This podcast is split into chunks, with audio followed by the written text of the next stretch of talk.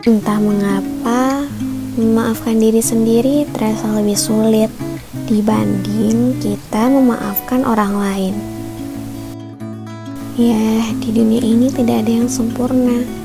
Tak ada orang yang tak pernah berbuat salah. Setiap orang pasti pernah berbuat salah. Aku, mereka, dan begitu pula dirimu. Ada saat-saat di mana kamu bertindak di luar keinginanmu maupun keinginan mereka. Memaafkan diri sendiri salah satu bentuk dari kebaikan pada diri sendiri. Terkadang kita lupa bahwa memaafkan diri sendiri itu penting agar kita bisa tetap hidup tanpa penyesalan dan tanpa rasa bersalah. Ya, walaupun terasa sulit untuk memaafkan diri sendiri, sesekali cobalah ucapkan pada diri sendiri, "Hai diriku, aku memaafkanmu. Tak perlu khawatir, aku sudah tak apa."